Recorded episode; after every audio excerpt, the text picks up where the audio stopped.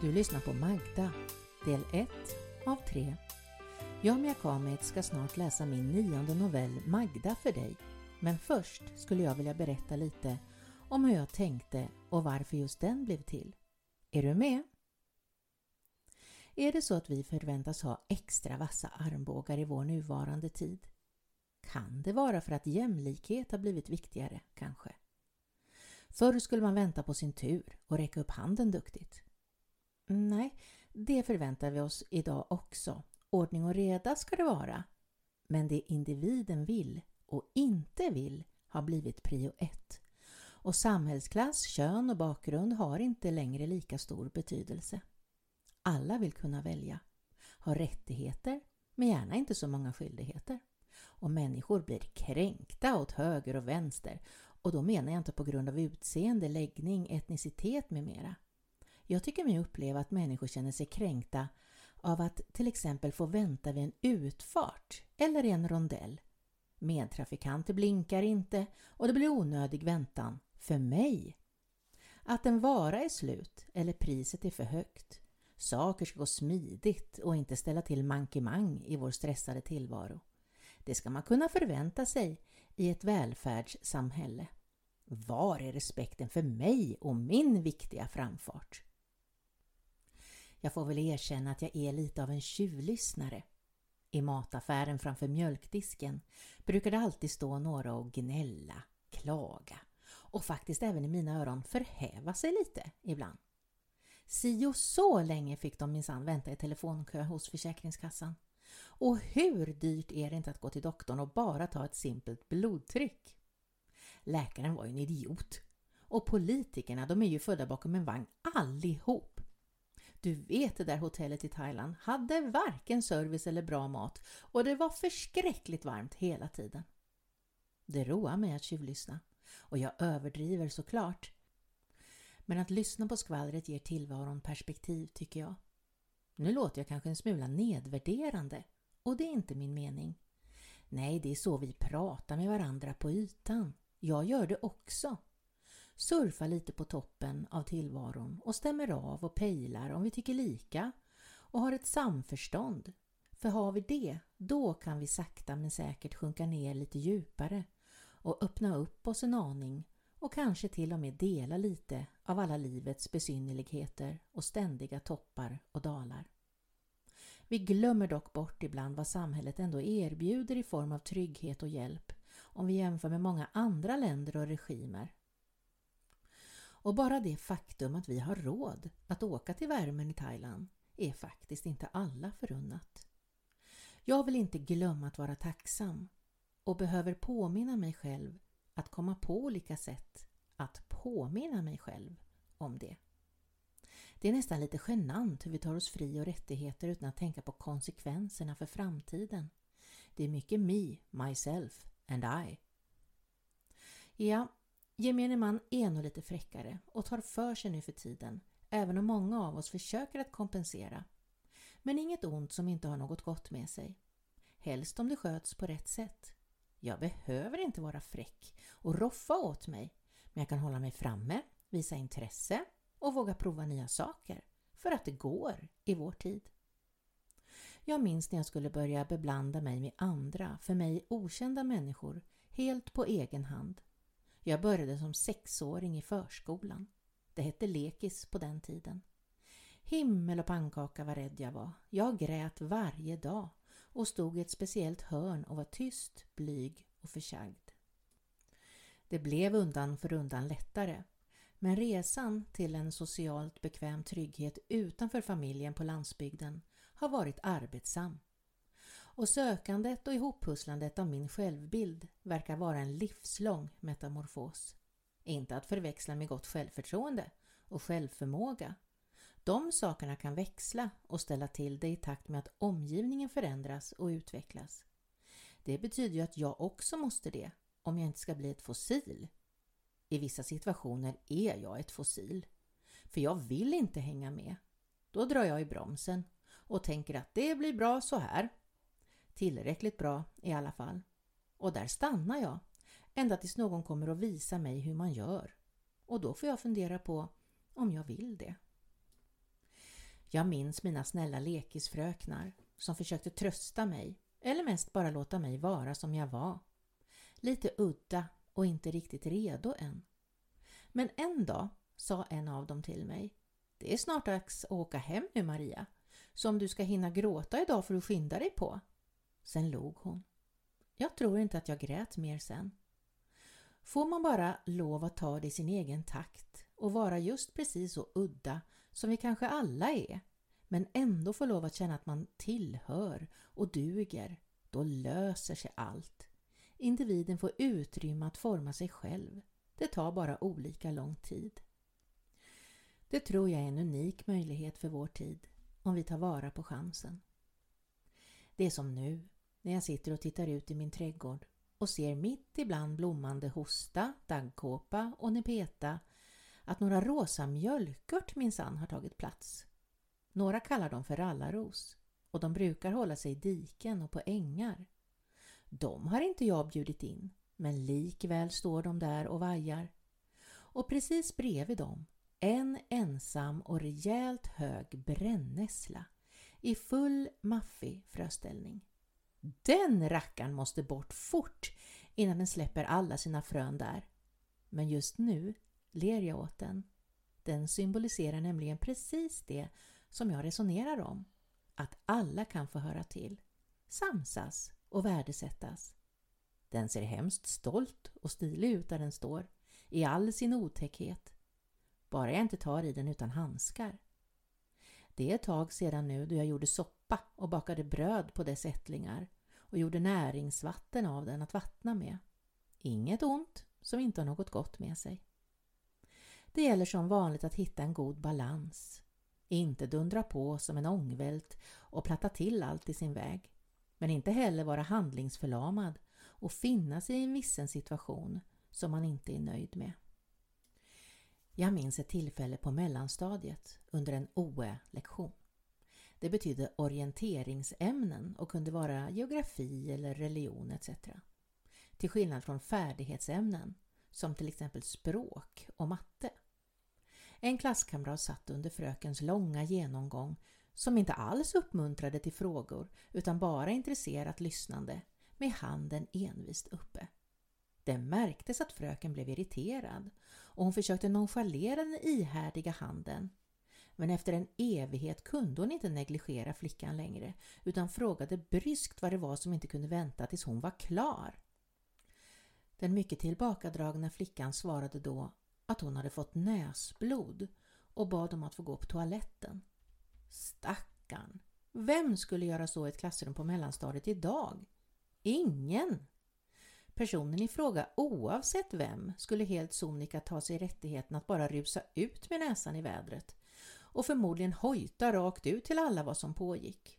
Utveckling? Ja. Till det bättre? Förmodligen. Men inget gott som inte har något ont med sig. Rättigheterna överskuggar allt. Människan vill ofta att omgivningen ska anpassa sig efter egna önskningar och behov och det egna ansvaret blir sekundärt, om ens det. Nu undrar ni säkert hur mina tankar då ska närma sig det trafficking-offer som jag i förra avsnittet sa att novellen Magda skulle handla om. Jag tänker att tillfälligheter och omständigheter kan göra att vi hamnar där vi hamnar, precis som de oinbjudna gästerna i min rabatt. Hur ofta kan jag inte uppleva att jag halkar runt i tillvaron, en hit och en dit.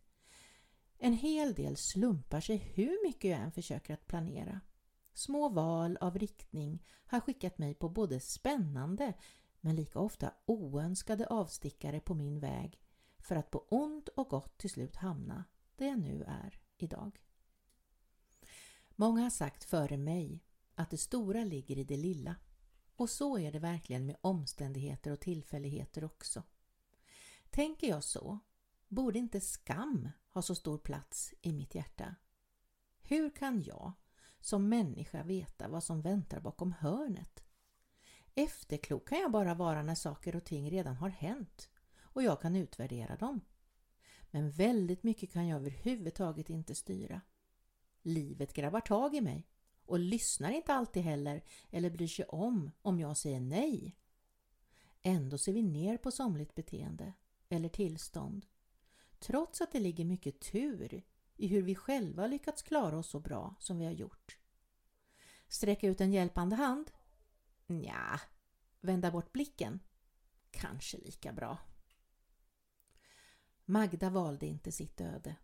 Någon annan tog sig rättigheten och valde med våld åt henne. Jag uppmuntrar inte till att ta lagen i egna händer. Att försöka förklara orsaken bakom hur någon kan utföra till exempel ett brott är inte samma sak som att försvara det. Men ser man till orsaken och försöker jobba med roten till det onda kan det kanske generera förändring och bli ett annat resultat och mer förståelse. Marknad och efterfrågan, hämnd och upprättelse. Det är starka ord. Orkar alla arbeta med dem? Nej. Jag har funderat på varför min hjärna fantiserar fram dessa obehagliga scenarion hela tiden.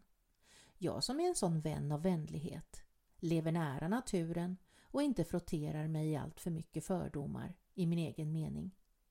Men intrycken sköljer envist in över mig som vågor mot en stenhäll. Hör!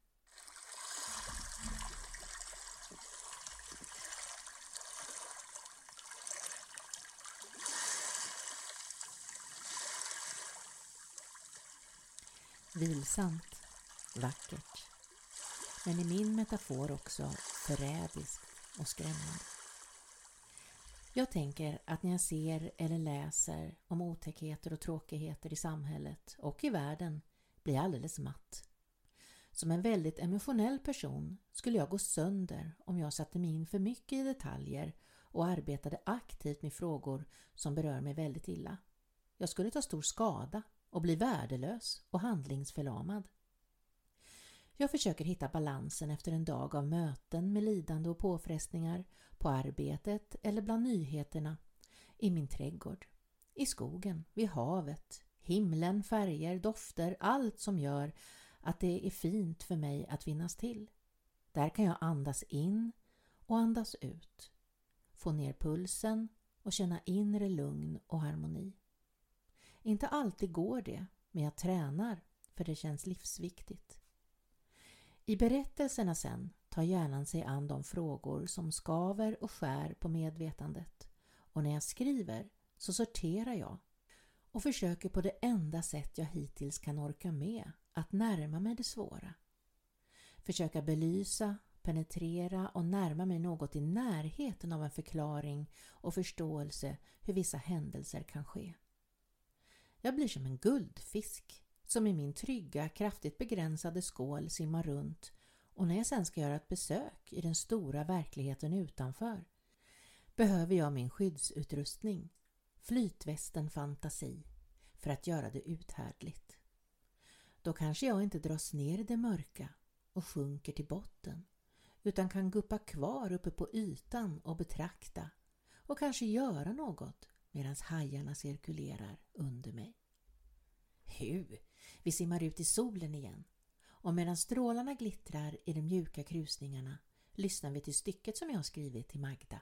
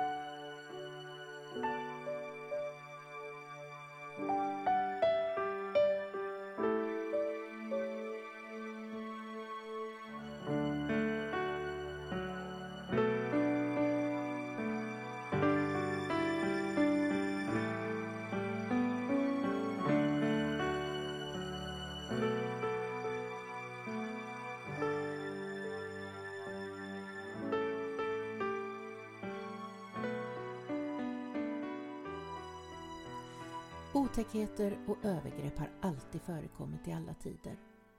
Men upplysning och val har tillkommit. Förr i tiden så hade människor utan medel ingen chans att värja sig mot övergrepp, varken på lagligt sätt eller socialt. Den lilla människan var rättslös och överlevnad var prio ett. Idag finns lagar och olika sätt för alla oss enskilda att ta ställning, ingripa och handla både praktiskt och på avstånd genom att stötta till exempel en organisation med några kronor. Många gör det redan. Jag gör det. Men gör jag tillräckligt? Jag vet att oegentligheter förekommer runt omkring mig i samhället. Det verkar finnas ett omättligt underlag för efterfrågan. Allt ifrån prostitution, droger, lyx och exploatering av moder jord och mycket annat. Listan kan bli lång. Välfärden skulle rubbas om listan inte fanns. Hur ska jag hitta en balans i det? Det är ju alltid någon eller något som kommer i kläm när jag vill ha något. Trots att vi är moderna människor som alla har fått gå i skola och utbilda sig så sätts det egna begäret som prio ett och vi väljer att se åt ett annat håll. Eller så orkar vi inte. Eller så förstår vi inte. Själv är jag för sårbar. Men jag skriver gärna om det och skapar om jag kan ett forum för eftertanke. När det kommer till att skada för egen vinning känner jag dock att jag har nått en gräns. Då måste jag handla. Annars är jag, som Jonathan sa till Skorpan i Bröderna Lejonhjärta, bara en liten lort. Jag kan inte rädda världen, men jag kan göra små val som kanske gör lite skillnad, så jag kan sova lugnt om natten. Någon sa till mig att det är ingen idé att du köper ekologiska varor, för du blir bara lurad. Jag tror på ett annat sätt. Kanske blir jag lurad, men jag visar vad jag vill ha så att efterfrågan på sikt kan skapa en marknad. Då är min vana redan etablerad. Någon sa till mig att det är ingen idé att källsortera så noga för det töms i samma hög i slutändan ändå. Jag tror på ett annat sätt. Jag visar att jag vill hjälpa till och när samhället är redo är min vana redan etablerad. Någon sa till mig att det inte är vi som skräpar ner. Titta på hur de hanterar sopor utomlands. Jag tror på ett annat sätt. Jag tror att vi som kan, kan visa vägen. Och vill vi ha en välmående planet måste vi bidra och hjälpa till. För att vi kan, vet och har råd. Jag tror inte många djupt av sitt hjärta vill ställa till det. Det är omständigheter, tillfälligheter, tur eller otur som varit framme och vält vagnen. Världen blir som den lilla outvecklade jag när jag kom till lekis. Jag var inte redo. Jag hade inget socialt kapital. Alla delar av världen är inte heller redo, har inte utrymme i sin ekonomi. Det var inte så väldigt länge sedan vårt land inte heller fått upp ögonen för farorna. Prio 1 är överlevnad. Det kan även betyda handel med människor. Vetskapen om att det är förbjudet underkastar sig möjligheten till överlevnad och en marknad söker efterfrågan och plötsligt är Magda här i vårt land. Trots att vi har kommit så mycket längre i vår samhällsutveckling. Allt som människor kämpat för i tider före oss blir ändå sekundärt under det egna begäret. Märker du hur min cirkel sluts? Eller är jag otydlig? Jag menar, trots att så mycket tid förflutit och fri och rättigheter har förbättrats, så hjälper det inte. Det är ändå inte samma regler för alla i enskildas ögon. Jag tullar på lagen lite här och någon annan lite där. Vi vet att det är fel, men ändå. Därför ger jag Magda rätten i den här berättelsen att själv ta lagen i egna händer och hämnas. Rätt eller fel? Döm själv. Den här gången har jag kanske verkat osammanhängande. Om jag ska försöka summera så blir det i dessa punkter. Jag försöker använda små exempel från mig själv för att förstå omvärlden. Jag ser det stora i det lilla när jag landar, vilar, reflekterar och hämtar kraft. Och tvärtom det lilla i det stora när jag tänker att mina och allas våra val kan göra skillnad tillsammans.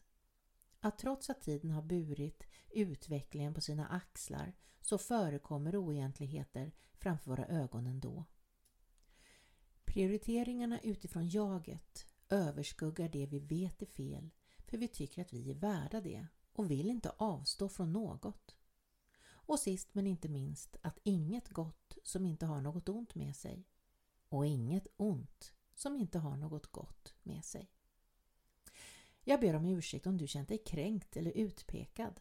Jag riktar mig inte till dig att förändra världen som enskild person utan till mänskligheten som grupp att fortsätta försöka och reflektera. Jag är själv inte perfekt och gör många tankefel men tillsammans kan vi nu hjälpas åt och att med vänlighet och förståelse försöka vara goda medmänniskor. Världen är rund och vårt gemensamma ansvar och med skäll och bråk uppfostrar vi inga harmoniska samhällsmedborgare. Om du respekterar mig och mina tillkortakommanden som mina gamla lekisfröknar gjorde och milt ger mig tid och möjlighet att göra bättre blir jag mer benägen att lyssna på dig och förändras. Tack för att du har lyssnat så här långt. I nästa avsnitt ska jag läsa Magda för dig. Ta hand om dig nu tills vi hörs igen. Hälsningar från mig, Mia Kamitz.